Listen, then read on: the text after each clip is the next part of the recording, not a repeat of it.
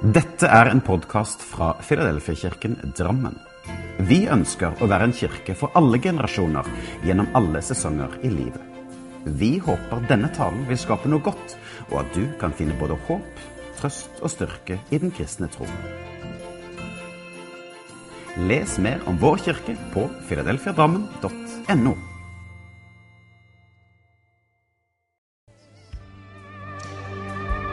Ja, Herre, vi ønsker bare å takke og prise ditt navn, Herre, for at du er her midt iblant oss. Vi ønsker bare å løfte ditt navn høyt opp, Herre, og bekjenne at du er Herre, du er vår konge, og det er du som regjerer på dette stedet, Herre. Herre, vi takker deg for denne gudstjenesten, Herre. Vi takker deg for lovsangen vi kan ha sammen. Vi takker deg for fellesskapet vi har i ditt navn, Jesus. Og vi priser og ærer, deg, ærer ditt hellige navn. I Jesu navn. I Jesu navn. Amen. Amen. Amen. Vær så god sitt. Og takk til fantastiske bandet og menighetskoret og Cap og Wow.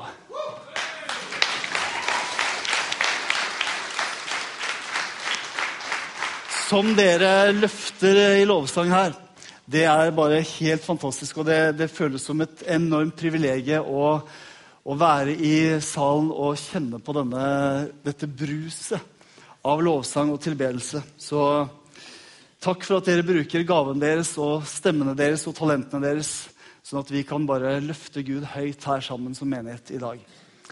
Amen. Fantastisk. Og dette her var, var spennende. Ha en menighet der, og så en menighet der. Um, det blir sånn 360-forkynnelse i dag. Det høres jo veldig trendy og bra ut, så vi satser på det. Temaet i dag, det er 'alltid glad'. Alltid glad. Og da håper jeg, eh, som Jarle også sier noen ganger rundt temaene sine, at du har lurt litt på det temaet. Eh, fordi at eh, Alltid glad. Eh, I hvert fall For min del så kommer det opp et spørsmålstegn. Da skal jeg gå med en gang til å, og bekjenne litt for deg her. Vitne litt om en dag, eller noen dager faktisk, som Hvor dette ble vanskelig for meg, kan man si. Og det er ikke så veldig lenge siden. Det var sånn at Anne Gro og jeg vi hadde planlagt har planlagt og gjennomført jeg sier det med en gang, en, eh, en ferietur til USA for å besøke sønnen vår Philip og sin kone Helene. Som da er datteren til Astrid og Hakon, som er her et sted. Og eh, Vi skulle altså dit og besøke Reading og Bethel Church. Og vi skulle se San Francisco, og det skulle være eh, det var Anne Gros første og min andre gang i USA. Så dette her hadde vi gleda oss virkelig til. Eh, avreise var 21. Eh, februar. Vi har vært der. Det var fantastisk. Jeg skal komme tilbake til det en annen gang. Så eh, alt gikk bra til slutt. Men saken var det at helga før der, så den 15., så fikk jeg tannverk. Fredag-lørdag der så kjente jeg det begynte å murre her sånn. Og så ble det eh, ordentlig tannverk. Eh, tannlegen hadde vist meg et røntgenbilde for en del måneder siden og sagt at her er det en liten sånn greie du må passe litt på. Jeg hadde kjent litt, men det hadde hele tiden gått over. Og du vet, Når ting bare går over, så Jeg burde nok ha tatt tak i det der. Eh, men det kom jo på et utrolig ubeleilig tidspunkt. Men jeg tenkte som før at dette går nok over. Over til søndag. Det blei ikke bedre. Over til mandag. Da fikk jeg ikke sove. Ehm, det dro på altså noe så vanvittig tannverk. Nå fanger jeg på en måte opp i ånden her at noen av dere damene i salen tenker at han er mann. Det kunne da ikke være så galt. Um, jeg vil bare si det sånn at heldigvis så er jeg fortsatt iblant dere til å kunne fortelle om det. Um, men jeg kjørte på med Paracet og Ibux og tenkte at det går vel over. Det gjorde ikke det. Og midt oppi dette her så er det Dere som har reist til USA, dere vet det er noe som heter ESTA. Så jeg fikk for meg at jeg sjekker det der ESTA-greiene en gang til. midt oppi tannverken. Hvor jeg fikk da greie på at Anne Gros ESTA-søknad som jeg hadde ordna med, den var not approved. Og det er faktisk litt alvorlig. Det der, det der skal være i orden på alle disse passjekkpunktene eh, gjennom når du skal inn i USA. Uh, og det, det, er ikke noe stor big deal-greie, egentlig, med mindre du fyller inn feil opplysninger fra passet. Som jeg da hadde gjort. Uh, og så, når jeg da sjekka dette fire dager før turen, avreise, så var ikke dette i orden. Og du og meg for et stress og så mye amerikansk-engelsk tekst med lite skrift og, og, og, vanskelige ord som jeg måtte gjennom for å prøve å liksom pløye meg ned over i dette Eh, denne nettsida dette systemet her, for å prøve å finne ut av det. Jeg gjorde så mange forslag, forsøk. Tirsdag morgen har vært en fryktelig natt med tannverk. Jeg fikk beskjed første som skjedde på morgenen der, det var 'not approved' fortsatt. Så Det begynner å nærme seg tre dager, og dette skal søkes senest 74, 72 eh, timer før avreise. Jeg kjente stressnivået begynte å komme. Og selvbebreidelsen, ikke minst, over at jeg ikke hadde sjekka dette for ganske lenge siden, for det hadde jeg absolutt god mulighet til. Anne Gro hun var også så vennlig å påpeke at uh, dette burde du kanskje ha sjekka før. Og det hjalp jo litt. Ikke i det hele tatt. Um, og jeg hadde dette tanngreiene, og jeg var nede hos tannlegen min og fikk bare eh, beskjed om at du må til en spesialist. Her har du en henvisning. Og da begynte det å koke opp i hodet mitt. Det må jeg bare virkelig innrømme. Det nærma seg avreise til USA. Dette var ikke i orden. Tannverken bare sto på. Jeg sto, eh, Tanken på bilen min var tom. Vi har en sånn liten nummer to-bil eh, som går på diesel. Jeg var oppe der på bensinstasjonen og diskuterte med Anne Gro. Kom plutselig på at jeg må rekke å hente den henvisningen til spesialisten, tannlegespesialisten. Så jeg sto og fylte bensin på dieselbilen min.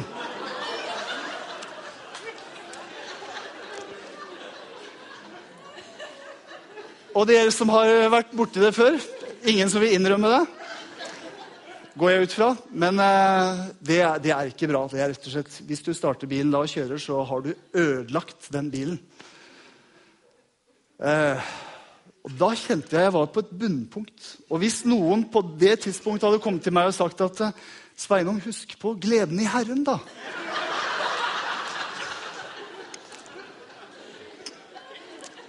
Eller liksom eh, Så godt at vi alltid kan være glad dere, i Herren. Så hadde det vært feil tidspunkt. Det var mer sånn der Jesus, hjelp! Det var der jeg var, altså.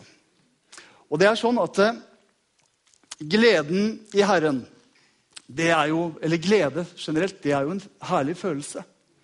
Og Vi skal snakke litt om, om, mer om glede. For i vårt liv med Gud så er glede noe som går også dypere enn følelsene.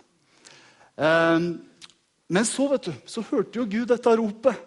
Så bare i løpet av ettermiddagen og neste formiddag Da begynte jo avreise å nærme seg ganske. Men da bare alt klappa eh, Ikke klappa sammen, men det, det gikk Alle ting bare gikk min vei. Vår vei. Estasøgnaden ordna seg. Jeg fikk trukket den der vanvittige tanna. Halleluja. Um, og bilen kom på verksted, og alt ordna seg. Så fantastisk. Og vi kunne reise og ha frimodighet i møte med alle passkontroller, og vi fikk en fantastisk uh, tur. Så Det var så deilig, og all ære til Gud for det. For det var en tidspunkt der hvor jeg tenkte at nå går det dårlig. Men det gikk bra. Og så er det mye sånne etterpåklokskap-erfaringer som jeg tar med meg fra den erfaringen. Ehm, jeg, har, jeg, skal, jeg, skal, skrive det ned, sånn at jeg ikke havner i den situasjonen neste gang. Men glede i Herren, det er det vi skal snakke om.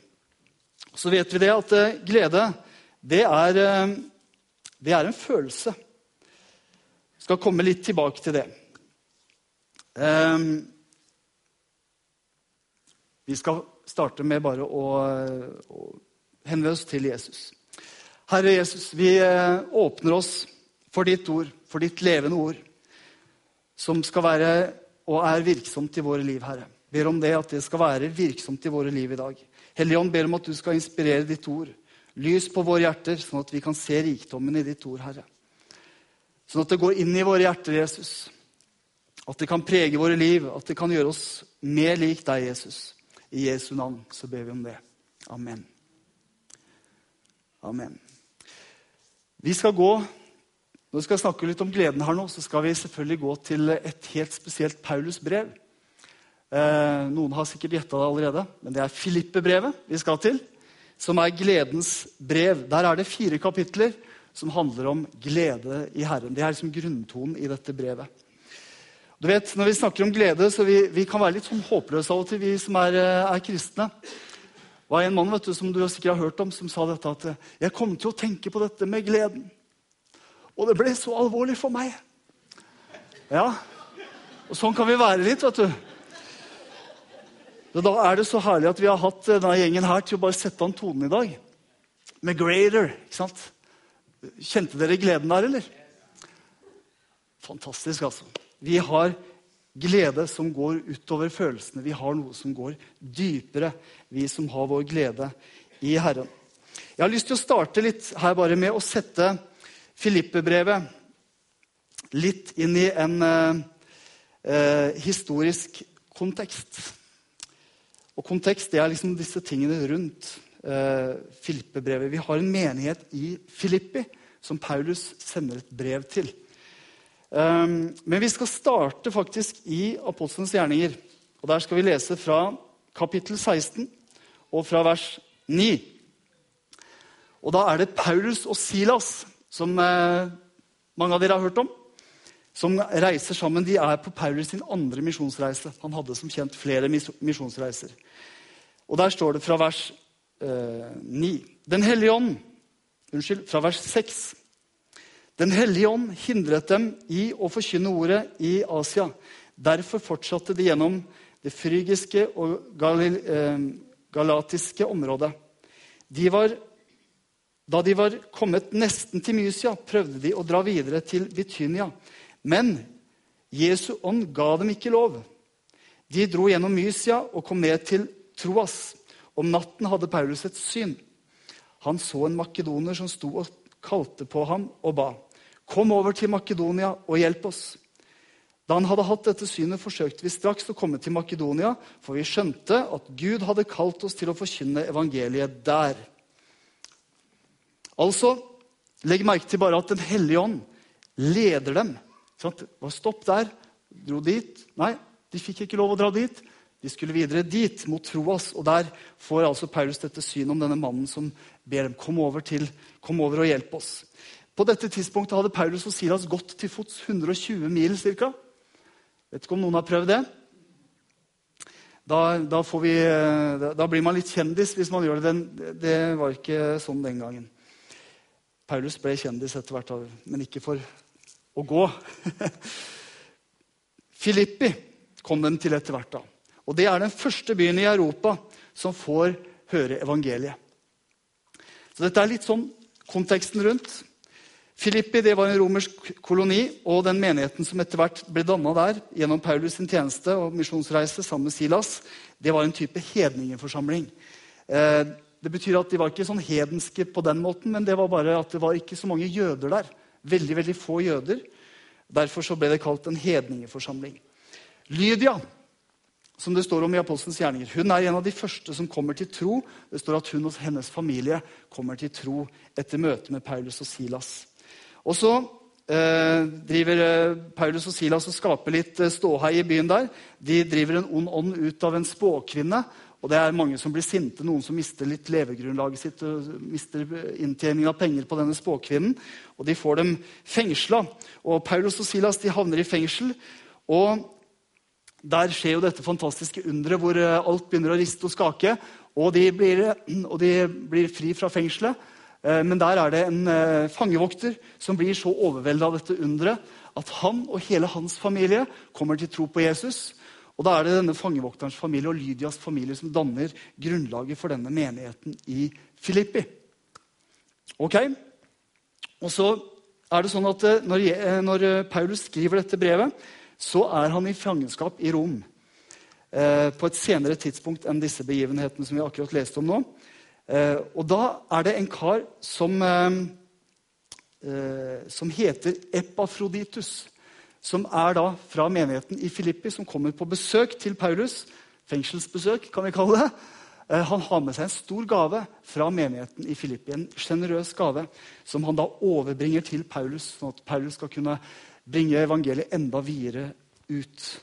Eh, og Paulus han er så overvelda av Filippi-menighetens sjenerøsitet og denne gaven at han skriver et brev som han sender tilbake med Epafroditus til menigheten i Filippi. Og denne, denne, grunntonen i dette brevet det er ikke sånn som en del andre brev ikke sant, til Paulus, hvor han skal rettlede, veilede, til og med, med tale strengt og refse. Liksom, Dere uforstandige galatere. Liksom. Det er ikke det som er tonen i Filippe-brevet. Her er det en tone av takknemlighet, av kjærlighet, av glede i Herren. Eh, og Det er derfor jeg syns så godt om Filippe-brevet. fordi Det er virkelig et brev hvor man kan gå inn og lese og kjenne at man liksom bare fylles opp.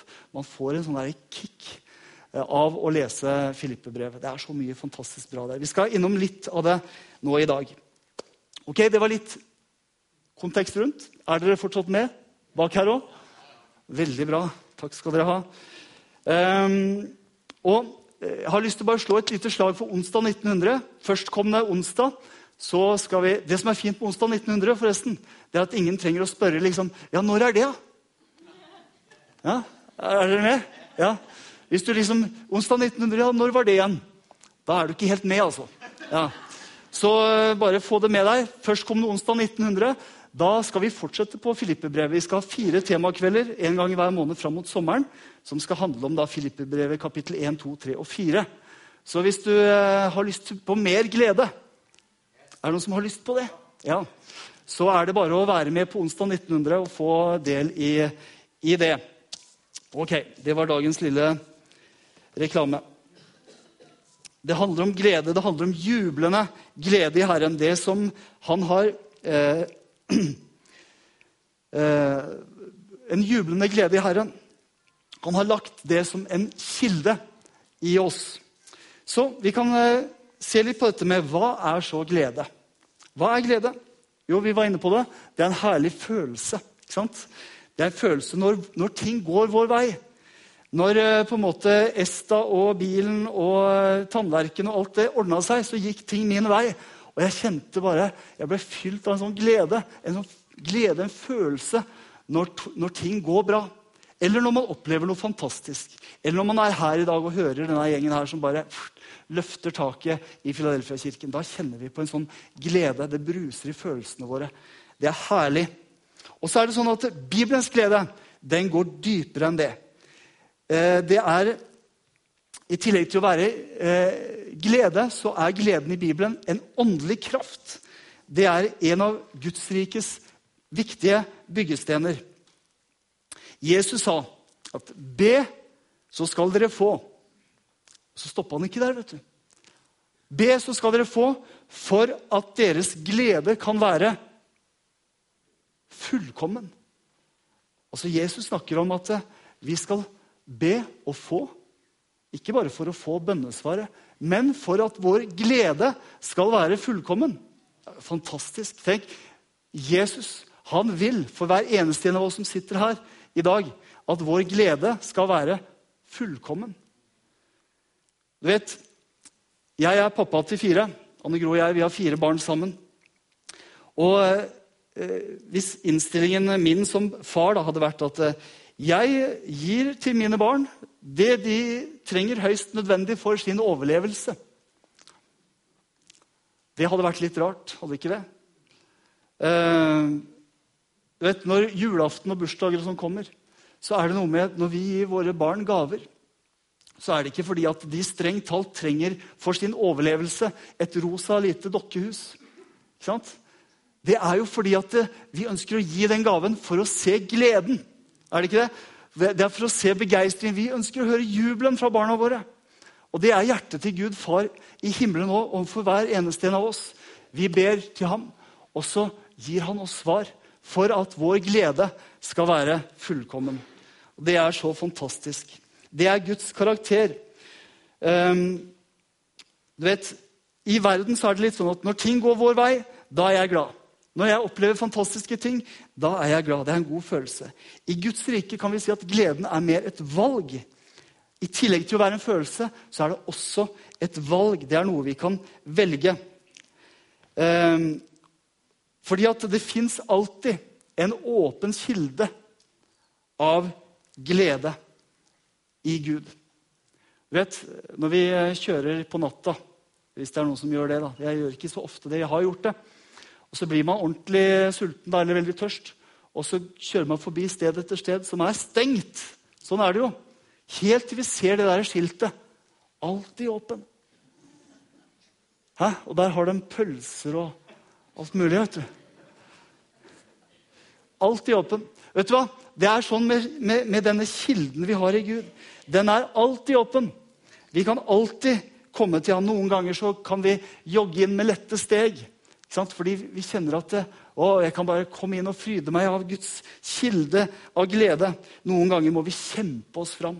Vi vet hvordan livet er. Noen i dyp snø, i søle, i motvind. Men vi kan oppleve og erfare likevel at kilden til glede den er alltid åpen. Ok, Så jeg skal eh, snakke om noen eh, byggestener, kan man si. Eller noen sånne grunnpilarer for gleden i Herren. Jeg har fem av de. Er du klar for det? For vi ønsker å, å, å, å bruke og benytte oss av denne kilden, gjør vi ikke det, som, som Guds barn? Jeg tror vi trenger mer glede, alle sammen. Jeg trenger mer glede i mitt liv. Og jeg tror kanskje noen kjenner på at det, har vært lite glede i det siste. Kanskje har man mista noe på dette med glede. Kanskje noen har stjålet gleden din. Jeg vet ikke åssen du har det akkurat her du sitter i dag. Det går an å ta på seg et smil når man kommer til menigheten. Det går an å, å klistre det litt på. Og så ser ting bra ut. Selv når man står og synger sånn, så kan man på en måte eh, ta på seg et smil, og så, og så, ser ting bra ut. Og så er det noe helt annet som er her inne. Og Hvis noen har stjålet gleden din, så har jeg bare lyst til at du skal få med deg dette her. Spesielt i dag. Eh, Guds ånd har talt til meg om at noen trenger å høre dette i dag. Fordi at det fins så mange gledestyver. Men vi har noe i Gud. Vi har noe i Guds ord. Vi har noe i Guds enorme, sjenerøse karakter som han vil overvelde oss med. Noe som han vil at skal være fullkomment i våre liv, nemlig gleden. Så det første som dette bildet skal illustrere, det er velg takknemlighet. Velg takknemlighet.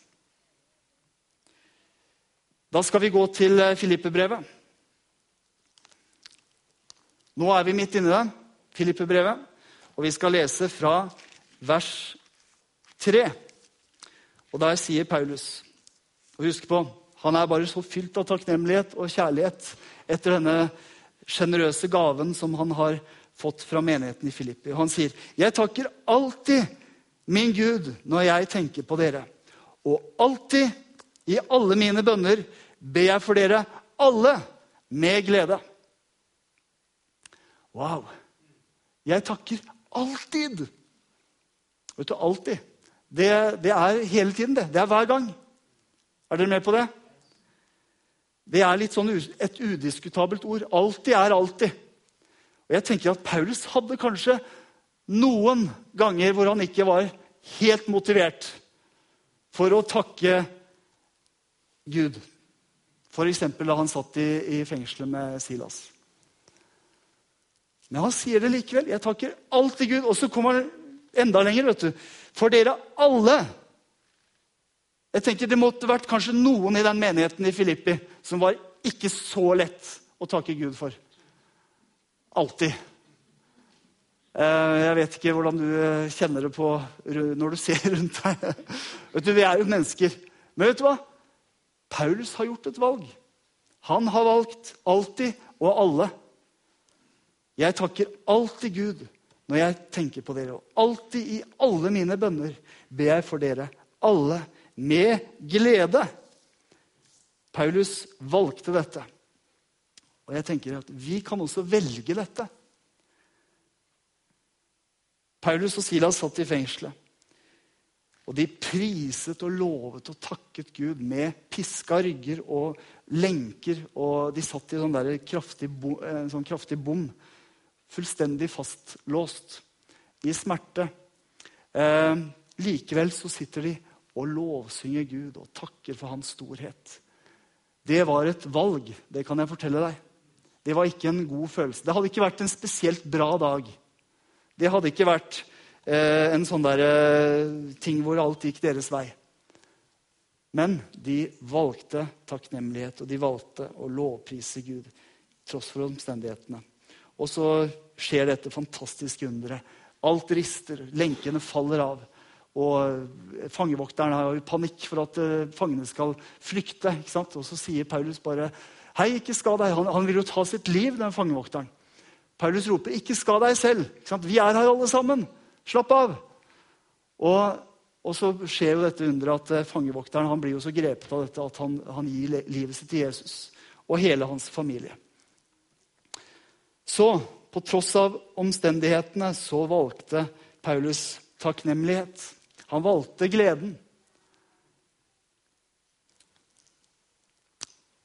Neste byggesten velg troens perspektiv.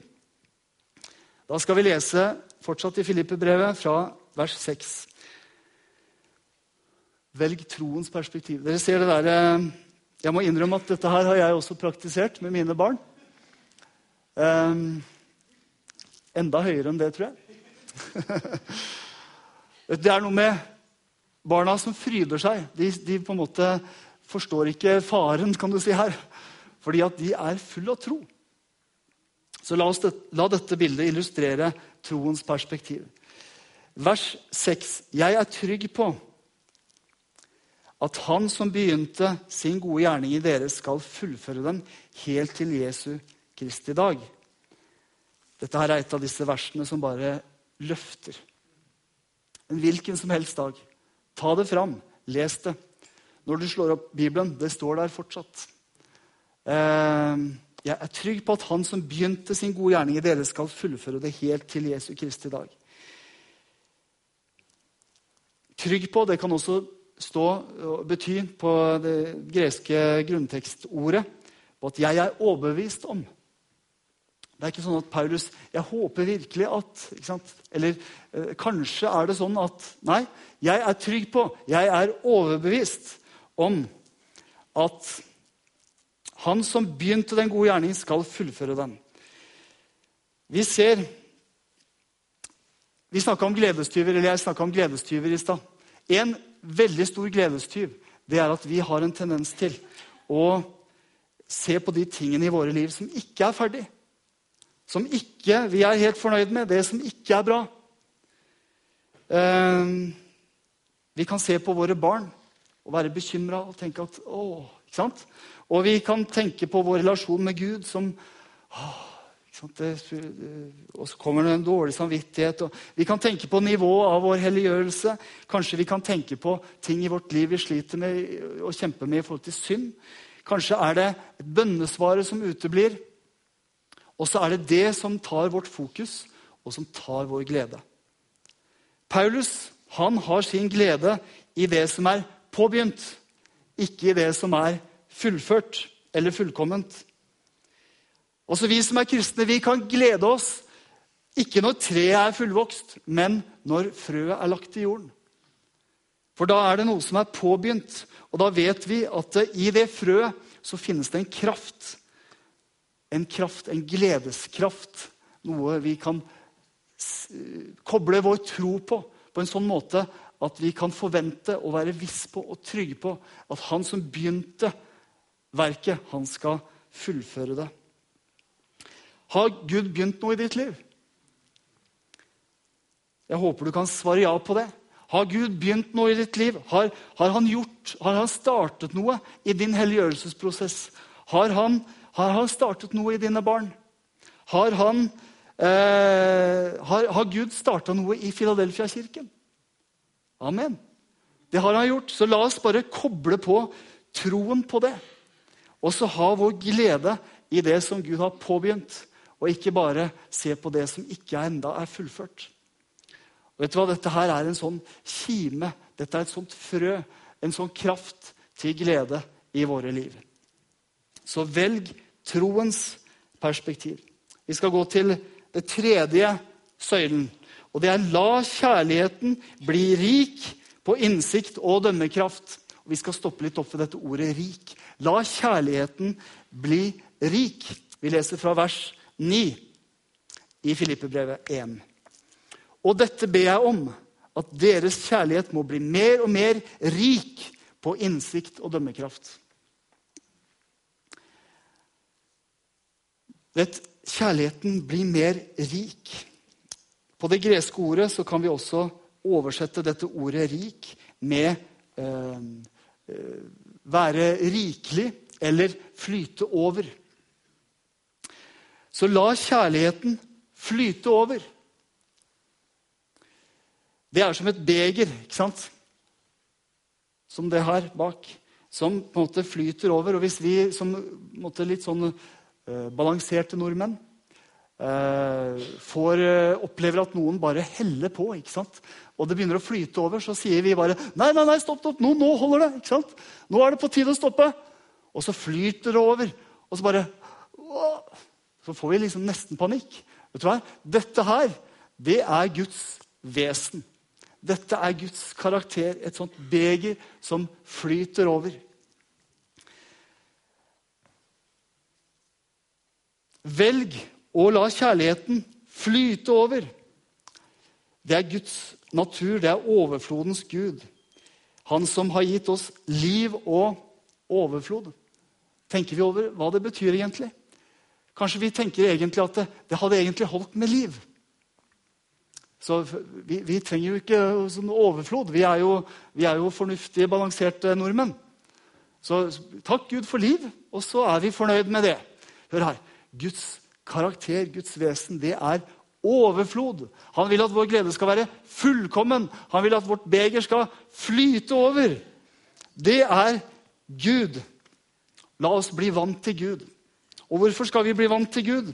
På den måten at han, eh, at han gir overflod av liv, at han gir overflod av nåde, at han gir overflod av kjærlighet, overflod av glede. Jo, fordi eh, Gud gir oss mer enn det vi trenger. Tenk på det. Han gir oss mer enn det vi trenger. Han, det er hans vesen. Og det han vil med det, det er at vi skal begynne å bli lik ham. Det, han vil at vi skal ta etter ham. At vi skal la oss prege av den sjenerøsiteten han overøser oss med, på en sånn måte at vi begynner å gjøre det samme med de som er rundt oss. Samme innstilling, samme mentalitet som Jesus. Det er det han kaller oss til. Paulus sier, 'Jeg ber om dette', sier han. 'Jeg ber om at deres kjærlighet må bli mer og mer rik', eller flyte over. Det betyr det skjer ikke av seg selv. Dette er også et valg som vi kan ta. Det er noe vi kan bare overføre rett inn i våre egne liv. Dere vet, Sosiale medier det kan vi på en måte ha mange meninger om, og vi kan se mange sånne, litt sånn uheldige eh, sider ved sosiale medier. Vi huler ut livet vårt litt med å bare dele alt vi gjør hele tiden. Ikke sant? Eh, men dette kan være en fantastisk mulighet. Tenk så mye overflod av kjærlighet du kan dele ut på sosiale medier. Hvis du setter deg ned på et kvarter, så kan du bare ha, ha overflodet eh, masse av dine venner og av dine, mye av dine omgivelser gjennom å bare bruke et sånt enkelt verktøy som det. Når vi møtes her, selv om vi ikke kunne hilse og klemme i dag, så, så kunne vi over, la måte vår kjærlighet flyte over gjennom blikk og varme ord. Så, så, la oss gripe den muligheten, la oss ta den muligheten som et valg.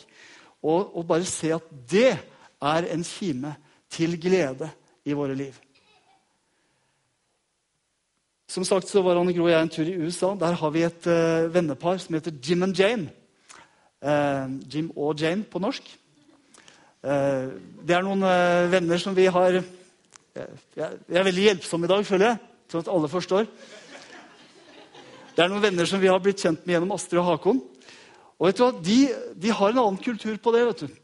Når vi var hos dem, så fikk vi jo så utrolig mye god mat, og vi fikk så mye god drikke. De har egen sånn svær eh, brusautomat inne på et sånt lite matlager som de har. Hvor vi bare kunne gå og ta så mye brusbokser vi bare ville. Wow! Ja, det, det har vi ikke i Norge. Og så skulle vi ut og kjøre opp til Reading, og de sendte med oss ikke sant? frukt og nøttepakninger og drikke og ostestenger. De var forresten ikke helt uh, Men sjokolade, kaffe, enda mer drikke. Det var sånn at vi kunne åpna butikk på veien. Var sjenerøsitet. Det var mer enn det vi trengte. Vi hadde sånn der reisesnacks helt til, vi, til flyet på vei hjem. liksom. Det var mer enn det vi trengte. Vi har noe å lære av det der. Den der sjenerøsiteten. Det der med at det skal flyte over. Gud kaller oss til å ha en rik kjærlighet som flyter over. I Salme 23, 23,5 så står det Du salver mitt hode med olje, mitt beger flyter over. Det er Guds karakter, det er Guds vesen. Så hvordan kan du la kjærligheten flyte over den kommende uka her? Kan du ta den utfordringen? Hvordan kan det synes i ditt liv? Det er en fantastisk kilde til glede. Ok, og vers, Ikke vers, men punkt fire. Punkt fire. Nå skal vi eh, dra på litt her, for vi har to punkter til. Men de går fort. Velg hva som er viktig. Punkt fire. Velg hva som er viktig. Og Vi går til Filippebrevet 1, vers 10. Og Der står det slik som dere kan forstå og avgjøre hva som er viktig, og stå rene og uten feil på Kristi dag. Slik at dere kan forstå og avgjøre hva som er viktig, og stå rene og uten feil på Kristi dag. Altså Det er mye som er viktig i livene våre, er det ikke det?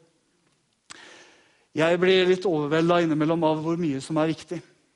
Det må jeg innrømme. Det er mye som skriker til oss, skriker imot oss, hva som er viktig. De roper på vår oppmerksomhet, og så løper vi rundt, og vi blir stresset. Vi snakker om gledestyver. Stress det er en stor gledestyv. Jeg merker det veldig konkret i mitt eget liv når jeg begynner å komme bakpå og kjenne meg stressa. Da forsvinner gleden. Da, da smiler jeg mindre, jeg ler mindre. Du, Stress det er en sånn gledestyv. I alt dette som er så viktig i livene våre, så må vi prioritere. Prioritere. Vet, historien om Martha og Maria i Bibelen Jeg syns at eh, Martha i den historien der har, har, falt litt dårlig ut i en del prekener jeg har hørt om Martha og Maria. Er dere enig i det? Eh, hun stelte jo stand mat og ordna og skulle gjøre sitt aller beste. Hun brukte antageligvis sitt kjærlighetsspråk for å gjøre det beste som hun kunne for Jesus og for de andre som var der. Og hun skulle få maten ferdig. Det var viktig. Jeg tror alle er enige om at det er viktig å få maten ferdig. Hvis ikke den blir ferdig, så blir det jo ikke så hyggelig, da. Eh, men Jesus han sier jo til Maria at du har valgt den gode del. Du har valgt eh, det som er viktigere. Det var ikke det at det Martha gjorde, ikke var viktig, men Maria hadde valgt det som var viktigere. Er, jeg tror Jesus har noe å lære oss i den historien om å prioritere. Så jeg, Du får tre sånne underpunkter nå på hva som er det viktigste. Får alt servert i dag? Hør her. Punkt én, det aller viktigste i ditt liv, det er ditt forhold til Gud. Det er nummer én. du har ikke anledning til å være uenig i dette. Det, det bare kommer nå. Og ikke noe kverulering etter prekene og sånn heller på det her. Ditt forhold til Gud. Det er det som har evighetsverdi. Det handler om din relasjon med Jesus. Det er det som, som eh, fører deg til himmelen. Det er det som gjør at ditt liv her på jorden blir fantastisk. Det er fordi du velger det ene og første og det viktigste, det samme som Maria valgte, nemlig relasjonen til Jesus.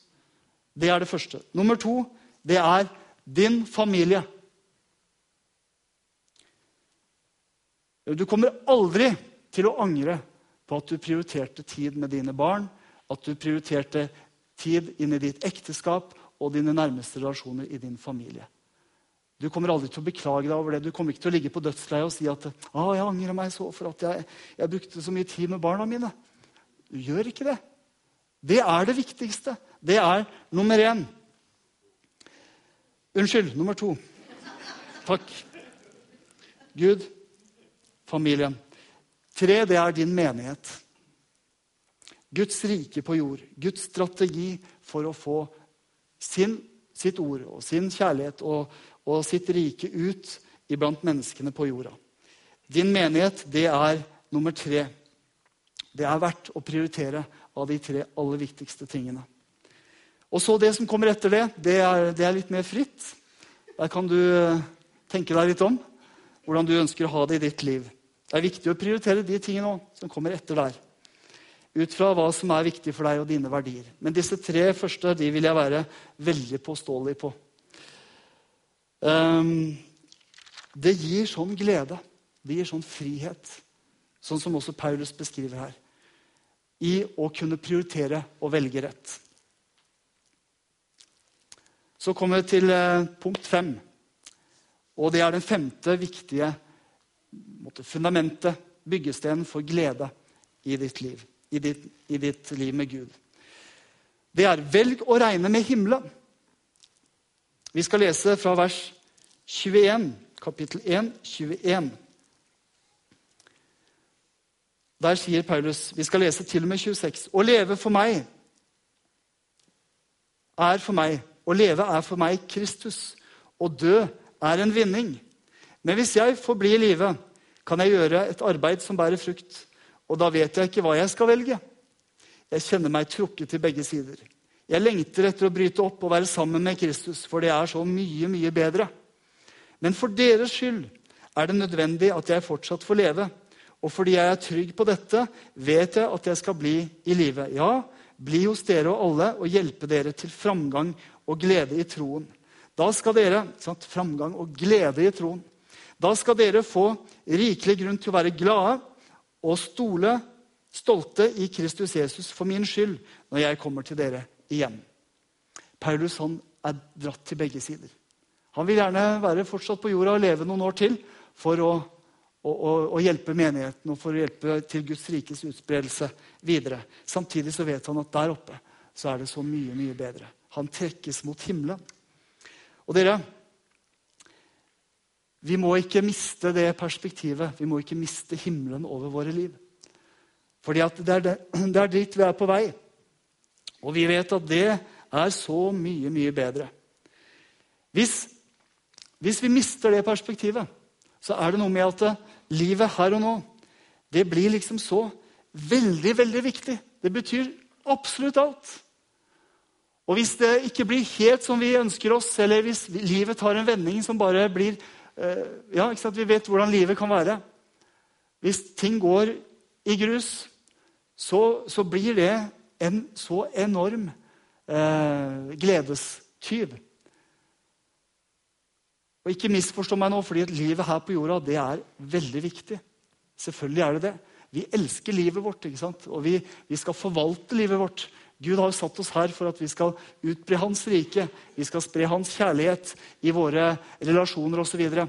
Men samtidig så er det noe med at hvis vi har himmelen over oss, så vet vi at ja, ja, tross alt så er det noen tilmålte år jeg har på denne jorda.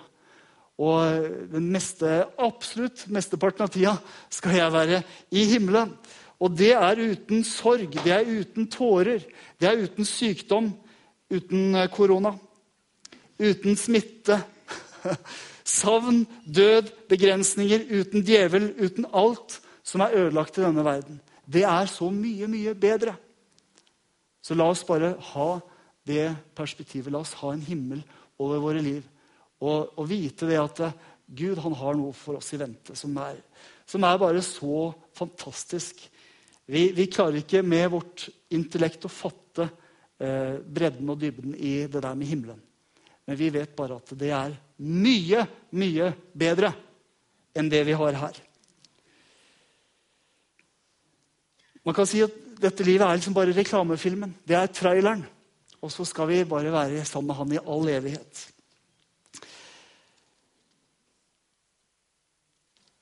En himmel over livet, det er en kime. Kilde til glede i livet. Så eh,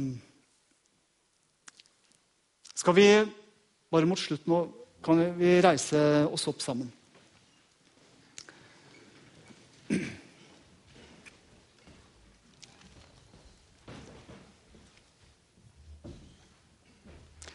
Jeg tenker at eh, hvis du kjenner det sånn at du eh, siste tiden Kanskje det har vært en lang periode.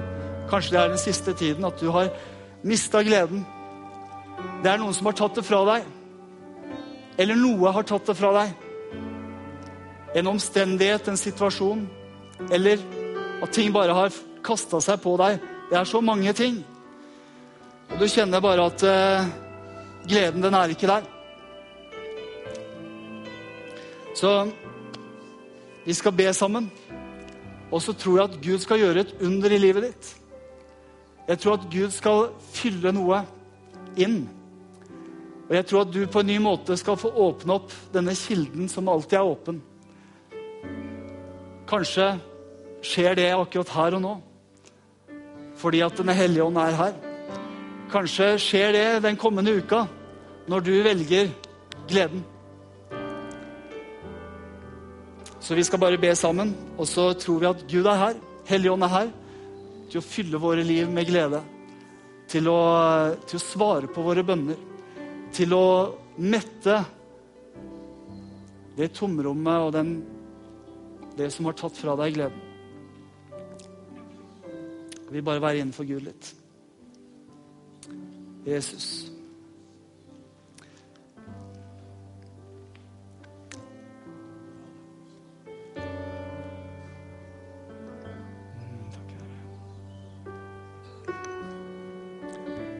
Herre, kom med gledens olje over vår over Filadelfia-kirken. Herre, kom med din salve. Herre, kom med din helbredende olje. La den eh, renne over våre liv, Herre. Vi vet at du er full av overflod, Herre. Og du har ikke bare akkurat litt passelig nok glede, Herre. Du har overflod av glede. Du har overflod av liv, Herre, som du ønsker å skylle over oss med akkurat nå i dette øyeblikket, Herre. Og Herre, du ser den enkelte. Du ser den som er her, som kjenner seg tom, Herre. Som kjenner seg mismodig. Og som kjenner at 'jeg har ikke ledd ordentlig på aldri så lenge', Herre. For noen har tatt gleden, eller noe har tatt gleden.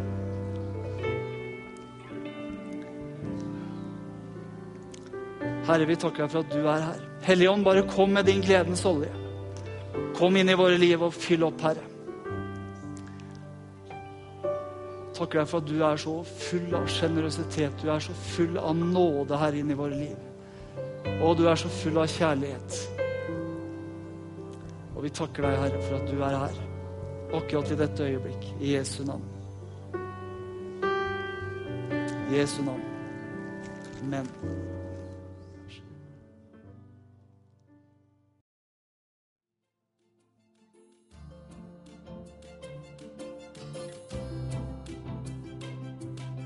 Som en avslutning på denne podkasten ønsker vi å lyse Herrens velsignelse over deg. Herren velsigne deg og bevare deg. Herren la sitt ansikt lyse over deg og være deg nådig. Herren løfte sitt åsyn på deg og gi deg.